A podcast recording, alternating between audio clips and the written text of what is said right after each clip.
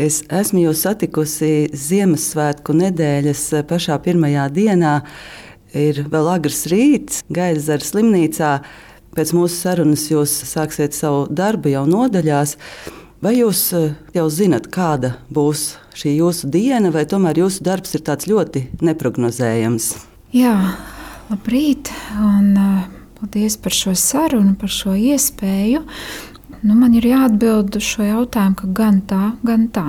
Tas ir atkarīgs tiešām no situācijas, no dienas. Šodien ir saplānots apiet tos pacientus, ar kuriem jau ir tā aprūpe, jau notiekās, un noteikti aiziet uz Covid nodaļām, kuras tagad esmu īpaši piesaistīta.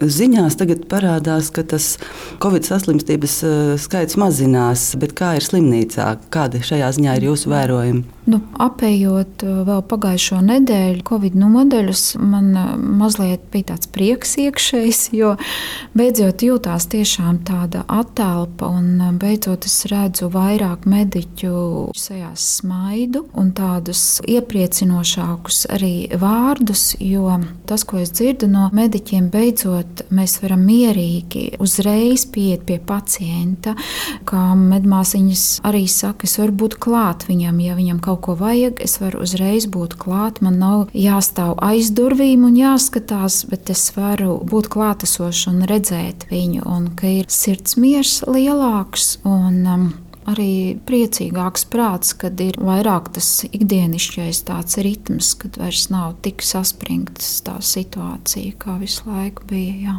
Jūs jau 16 gadus esat kapelāna Austrum slimnīcā.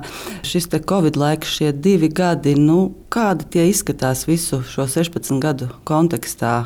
Domājot tieši par šiem gadiem, es to saredzu tā, ka nu, manā darbā varētu teikt, nekas īpaši nemainījās. Vienīgi tas, ka tas, kas notika tagad, šitajā laikā, tas viss notika ļoti koncentrētā veidā.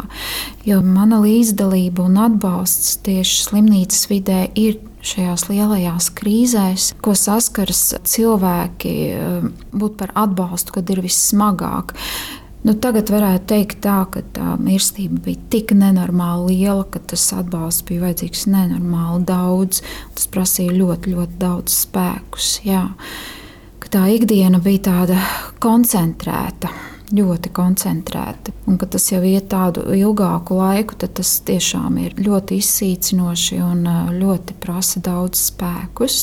Katrs attēlpas brīdis, katrs tāds iepriecinājums arī no malas, no, no sabiedrības, tas atbalsts, tas ļoti, ļoti, ļoti daudz. To jūs arī sajūtat? Jā, jā, protams, jo tad ir tā pleca sajūta vairāk tāda vienotības sajūta, kad nav tā, ka mēs šeit vieni paši kaut kā cīnāmies, jā, bet kad eh, kopīgi mēs to visu darām. Kāds ir tas atbalsts tā konkrēti?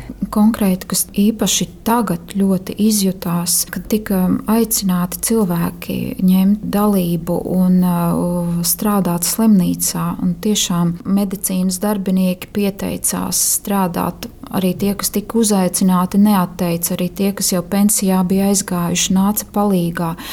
No armijas puiši bija tāds prieks redzēt, ka viņi stiep tos balonus, skābekļi ja, un palīdz tīri fiziskas tādas lietas. Redzēju, kad māsīņa viņu stiepjas, saka, nu, palīdzēšu. Ja? Viņa saka, nē, nē, es jau esmu pieradusi, ja? jau stiepu velku pa zemi viņu. Un es arī nu, viņiem teicu, ka prieks redzēt jūs, paldies, malači. Jā, ka arī no baznīcas bija tas atbalsts, kad tiešām reāli priesteri pieteikušies darbā, un evaņģēlisti arī no Luterāņu baznīcas un strādā Covid nodaļā nu, liels, liels prieks. Un arī tie iepriecinājumi, kas nāk no sabiedrības, no bērngārziem, apsveikumi, pateicības vārdi daudz. Tas ir ļoti, ļoti atbalstoši. Jūs jau minējāt, es saprotu, ka palīdzat ne tikai slimniekiem, bet arī mediķiem, arī viņu tuviniekiem. Jā, mēs kā kapelāni esam atbalstoši jebkuram cilvēkam, sniedzam šo atbalstu, psiholoģisks, emocionāls, garīgs, pastorāls sarunas jebkuram cilvēkam, kuram tas ir nepieciešams slimnīcā. Un tieši šajā Covid laikā vairāk ir nepieciešamība pēc šī garīga atbalsta. Es to izjūtu, ka jā, Jo pat ejot kaut vai pa koridori, nāk klāt darbinieki un mediķi un vēlas šīs sarunas, lai aprunātos, lai padalītos Vai šajās sarežģītajās situācijās, kad cilvēks eh, fiziski arī nu, bieži vien ļoti slikti jūtas, vai viņš vispār ir atvērts nu, tādām sarunām? Liekas, varbūt viņam jākoncentrējas ļoti uz to fizisko sajūtu. Nu, tādi pacienti, kuri, protams, jau ir ļoti, ļoti, ļoti smagā stāvoklī, viņi jau mazāk var komunicēt. Bet eh, nonākot līdz tam smagajam stāvoklim, tad es piedzīvoju to, ka, jā, kad sanāk ļoti daudz tādas dziļas sarunas. Ir bijuši pacienti, kas saka, es vēl gribu dzīvot, un tad mēs runājam, tad saka, kādas vēl lietas ir nepadarītas, ko vēl gribētu padarīt. Un eh, tad pieskarās šiem eksistenciālajiem jautājumiem un, un risina to. Kādas varbūt tās lietas viņi min, ko gribētu vēl padarīt? Nu, ir tā, ka tie cilvēki, kuri kop savu garīgo dzīvi, attiecības ar Dievu, viņi vairāk pieskars šīm mūžības tēmai. Viņi risina šīs attiecības ar Dievu. Un uh, tie cilvēki, kuri nav kopuši šo garīgo dzīvi, attiecības ar Dievu, viņi vairāk risina šīs praktiskās, laicīgās lietas, mantojuma lietas, kas ir padarīts, kas vēl nav padarīts. Viena ģimene arī lūdza, piemēram, sieviete teica, kur ir ļoti liela saimniecība, palika ģimenei, un um, vīrs uh, arī aizgāja mūžībā. Viņa teica, pasakiet kaplānu vīram, ka mēs to visu atstāsim, ka viss būs tā, kā viņš to bija plānojis. Un attiecībā uz tām garīgajām lietām, kādi ir tie jautājumi galvenie? Uz garīgajām lietām jautājumi galvenie ir grēksūdzība Jo arī tiem cilvēkiem, kuri nav praktizējuši šīs attiecības ar Dievu, ir situācijas, kad es dzirdu, kad cilvēks izsaka šo nožēlu par kaut kādām dzīves situācijām, kas ir bijušas, un um, viņš dalās ar to. Un es jūtu, ka tajā sadzirdu, ka tajā ir nožēla, tad es arī pajautāju, vai jūs to nožēlojat. Un cilvēks tad arī izplūst asarās, jā, es to nožēloju. Un tā arī ir sava veida grēka sūdzība, ka tas jau ir tas būtiskākais. Dievs jau to redz. Man nav tiesību atlaist grēkus, kā garīdzniekam, dot šo grēku piedošanu. Tas, es ticu, ka Dievs noteikti to redz, ka ir šī nožēla sirdī. Jo kurš tad pirmais nonāca debesīs, ja svētajos rakstos? Mēs varam izlasīt, ka Jēzus bija pie krusta un viņam blakus bija divi noziedznieki. Viens no viņiem arī bija tas, kurš nožēloja dzīves eh, laikā paveikto, un eh, Jēzus viņam atbildēja: Šodien pat tu ar mani būsi debesīs. Tas mums parāda, ka arī pat savā vispēdējā dzīves mirklī mēs varam iemantot debesu valstību un būt kopā ar, ar Dievu. Un to tā arī var sajust, ka cilvēks nu, aiziet kā samierinājies, tāds kā iegūst šo atdošanu. Nu, pa šiem gadiem tiešām es varu teikt, ka ir atšķirība, kā cilvēki aiziet mūžībā. To var sajust, jā, kā viņš aiziet mūžībā. Jo Bailes ir visiem, jo tas ir nezināms, ko mēs nezinām, kā tas notiks, tieši tas mirklis. Bet uh, tas, ko es piedzīvoju, un es redzu, ka ir atšķirība, kad cilvēks apzinās, kas mani sagaida, tad tā samierināšanās notiek daudz mierīgāk, daudz ātrāk. Bet cilvēks, kurš neapzinās, nezina, kas viņu sagaida, tas process ir vairāk baiļu pilns. Tas tāpat kā iekāpt lidmašīnā, ja, vai es zinu, kur es aizlidošu, vai es nezinu, kur es aizlidošu. Nu, ir atšķirība, kā es jutīšos. Ja. Un e, jūs teicāt, ka arī jums pašai ļoti daudz garīga spēka ir prasījis šis laiks. Kur savukārt jūs pati to spēku rodat? Kā atjaunot to spēku? Jā, ļoti svarīgs ir tas līdzsvars. Nu, Šitie pāris mēneši pagāja tiešām tā, ka es agri no rīta braucu uz slimnīcu, un uh, vēlu vakarā braucu mājās, un tad es vienkārši tikai paēdu un gāju gulēt. Un tas tādā non-stopā visu laiku arī gāja. Tagad nu, jau ir tāds attāls brīdis, kad jau var ieraudzīt arī gaismu un sākt skatīties kaut ko apkārt, redzēt. Man ļoti noteikti palīdz tā apziņa, ka es zinu, ka par maniem lūdzās, un ka Dievs ir ar mani, ka Viņš mani nav atstājis.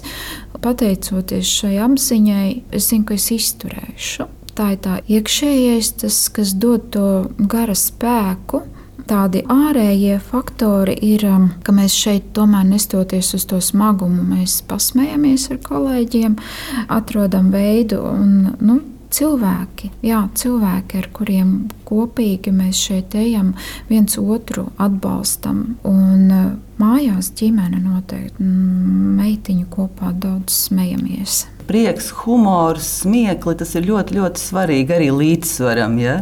Jā, jā nu, priekš manis. Jā.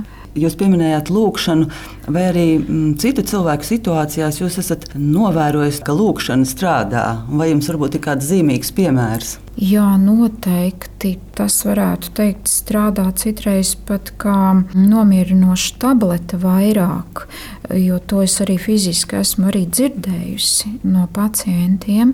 Es esmu dzirdējusi, ka pacients saka, ka tas ir atjaunojis man cerību tas ir devis spēku iet tālāk. Jo tādi īpaši, kas um, ilgstoši guļ, ir izveidojusies tāda pieredze, ka bieži ejot pie pacienta ar viņa paša arī tādu vēlmi, mēs katru reizi meklējam tās labās lietas, kas ir ir tagad mazliet, kaut milimetrs, kaut bikucīti, bet ir labāk un mums ir par ko pateikties Dievam. Un tā ir tā lūkšanā, ko mēs iekļaujam lūkšanā, šo pateicību Dievam.